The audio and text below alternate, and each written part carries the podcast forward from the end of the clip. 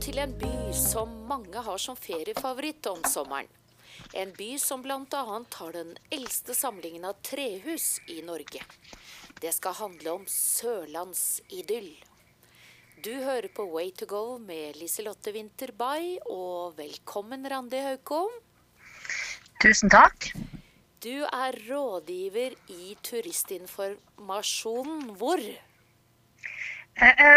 Jeg, arbeider ved Turistinformasjon i Kristiansand, i Sørlandets hovedstad.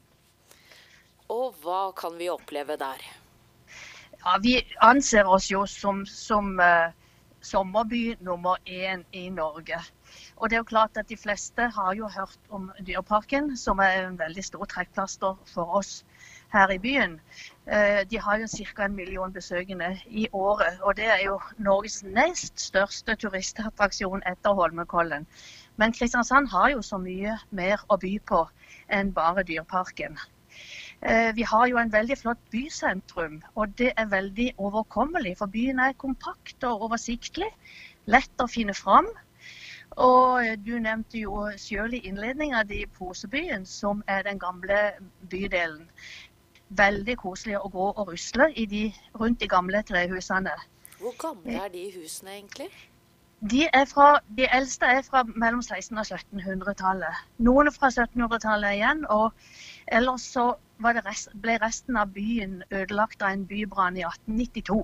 Så dette kvartalet på en måte som er ca. en fjerdedel av byens sentrum, det er det som blir stående igjen og kalles for Posebyen. Er det et fint utgangspunkt for å oppleve Kristiansand? Ja, det syns jeg absolutt. Vi har, her i turistkontoret har vi lagd en et kart med en rusletur som du kan gå, eh, bruke og ha i hånda, så du kan gå gjennom byen og få med deg alle de viktigste attraksjonene. Så da får du med deg det meste. 1,1 km er kvadraturen. Og 1 km fra bystranda til fiskebrygga. Og eh, i likhet med i mange andre byer, er det kanskje mulig å leie en sykkel i Kristiansand? Absolutt. Det er sykkelutleie eh, flere steder. Blant annet så har Kirkens Bymisjon er et sykkelverksted og utleie som heter Pedalen. og Det ligger akkurat nede på fiskebrygga. Så her kan man leie en sykkel og ta seg veldig lett fram. Det er jo ganske flatt i Kristiansand, så det er ikke vanskelig å sykle her. Og bare for å holde fast ved Posebyen litt til. Så vidt jeg husker så er det veldig mange spennende butikker der. Småbutikker. Og et ja, marked. det er ikke så veldig mange spennende butikker igjen i Påsebyen. Er det ikke? Eh, veldig mange av de som var butikklokaler som er, som er omgjort til, til, boliger. Så det er ikke veldig mye igjen, nei. Dessverre, dessverre. Jeg må nok en tur tilbake til Kristiansand, skjønner jeg. Ja, det er du velkommen til. Men har de fremdeles Posebymarked? Posebymarkedet eksisterer fremdeles hver lørdag, ja. Og da kan private komme og betale en liten, liten sum for å stille seg ut med de produktene du har, enten det er tomatplanter eller gamle antikviteter. Og når det er fint vær, da har dere en veldig fin strand man kan kose seg ved, midt i byen? Ja, vi har midt i byen har vi Bystranda, og den har, inneholder mye, bl.a. palmer. Vi setter ut palmer, Parkvesenet ordner disse palmene som de tar godt vare på gjennom vinteren. og så når sommeren kommer, så havner de på stranda. Og den stranda er jo utrolig populær, kanskje spesielt blant unge mennesker. Det er litt sånn se og bli sett-område. Og det er ei strand med kiosk og med blått flagg, så den er jo 100% godkjent. Jeg nevnte sørlandsidyll til å starte med. Hva er det for deg?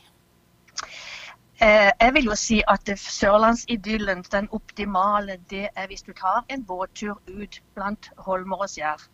Og kommer ut til disse gamle uthavnene med de små hvite husene. Det er den ultimate sørlandsidyllen. Du har Ny-Hellesund vest for byen, og så har du Brekkestø og Gamle Hellesund øst for byen. Og disse stedene kan man gjerne nå ved å ta en av de mange tilbudene vi har når det gjelder båtturer. Fra byen går det båtturer eh, til, helt til Lillesand gjennom Blindleia, som er jo et usedvanlig vakkert kyststrekk. Kristiansand er også en festivalby? Det stemmer. Eh, I år har vi jo mye mindre festivaler enn enn normalt, sånn som de fleste. Men den siste store festivalen som har vært i, som overtok nesten etter Kvartfestivalen, som mange har hørt om og husker. Dette er den som heter Palmesus, og den foregår på selve Bystranda. Veldig, veldig stor og flott festival som eh, dessverre da i år måtte, måtte avlyses. Men er det funnet eh, en løsning på noen av de festivalene dere pleier å ha? Ja, det har vært et arrangement nå for eh, Palmesus med en sånn digital overføring som en del av de har. Eh, det er en del mindre festivaler også som arrangeres, eh, bl.a. Torvfest. Men med begrensa antall deltakere, eller publikummere. Og da går verter rundt og passer på at ikke folk sitter for tett. Så det er jo en god del festivaler som fremdeles kan arrangeres. Kilden teater- og konserthus det er jo en av byens stoltheter, stolte bygninger har eh, bl.a. en gratiskonsert hver onsdag klokka ett i foajeen. Det er også selvfølgelig begrensa med hvor mange de tør å slippe inn. Eh, Domkirka har en gratis eh, orgelkonsert hver tirsdag klokka 11. Så når det gjelder kultur, så foregår det ganske mye allikevel her i Kristiansand. I naturparken Ravnedalen, som mange kjenner som er en fantastisk vakker park, går det konserter hele sommeren igjennom. Tilbake til dette å bade. Dere har også et flott utendørsbasseng. Er det også noen restriksjoner der i sommer? Ja, det er, det er Akvarama, altså det badelandet, som har både innendørs og utendørs basseng. og Der der har det vært restriksjoner. og Det jo en del på sånn garderobefasiliteter, og at en, eh, at en må holde avstand. Og de slipper jo inn færre folk enn de har gjort før. Mm -hmm. Hva vil du eh, har du noe å anbefale som vi ikke kan lese oss til på sidene deres? Mm, ja, det var et godt spørsmål. jeg, har veldig, jeg har jo alltid et stort ønske om å, at mest mulig skal komme ut på våre, våre sider. Men det er jo noen sånne små perler, noen små kafeer inne i, midt inne i, i Kvadraturen, midt inne i byen, i små bakhaver, som jeg syns er veldig, veldig sjarmerende. Har du et navn på en eller to av dem? Ja, det er en uh, liten som heter Hopeful, og den er ganske spesiell fordi at det er butikk. Og det er kafé i bakgården. Og det er et, um, en stiftelse som uh, engasjerer folk som har kanskje litt vanskelig for å komme ut i jobb. Så der er det en, en sosial profil på den også, men veldig koselig og veldig god mat. Det samme gjelder Kjerstis kjøkken. Eh, som også ligger i et av de eldste husene i Kvadraturen. Med en bakgård der de kan til og med fremvise gamle utedoen, selv om ikke den er i bruk.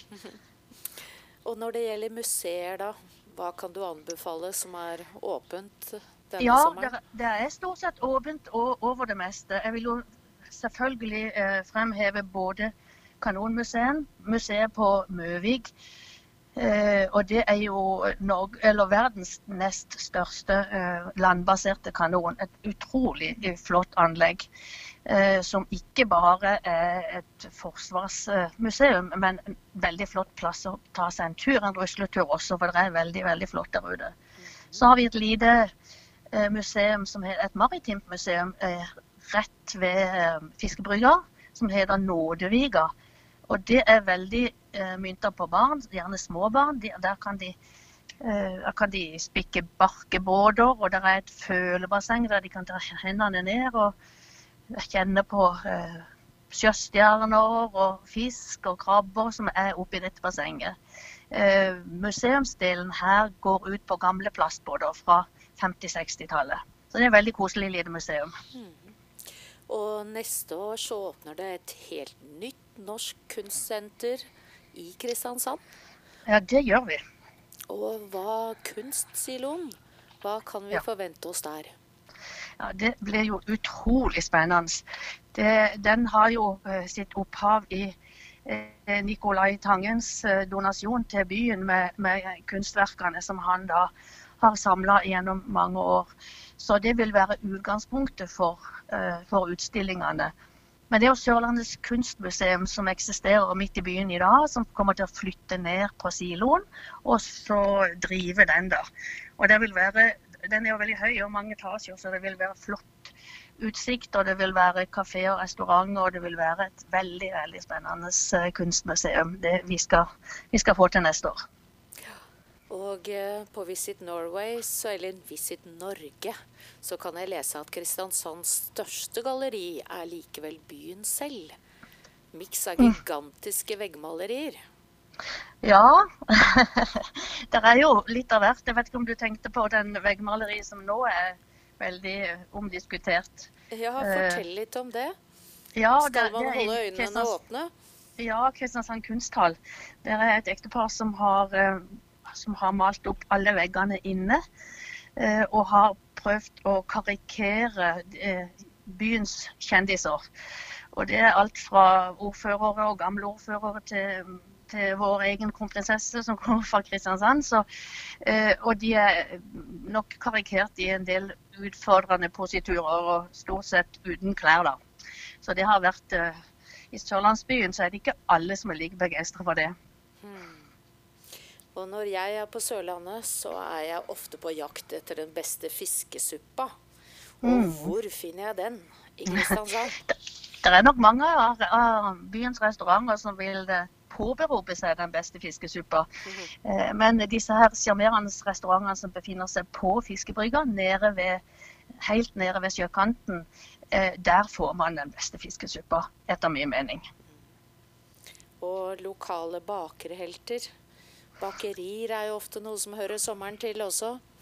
Ja da, det fins det flere. Det er et bakeri som heter Drømmeplassen. og Da kan en jo bare tenke seg hvor mye lekkerier en får der. og eh, I gågata så går en forbi bakerier nesten hele tida. Og en kan sitte ute med kaffe og, og gode bakervarer. Så, så det er ikke noe mangelvare i Kristiansand.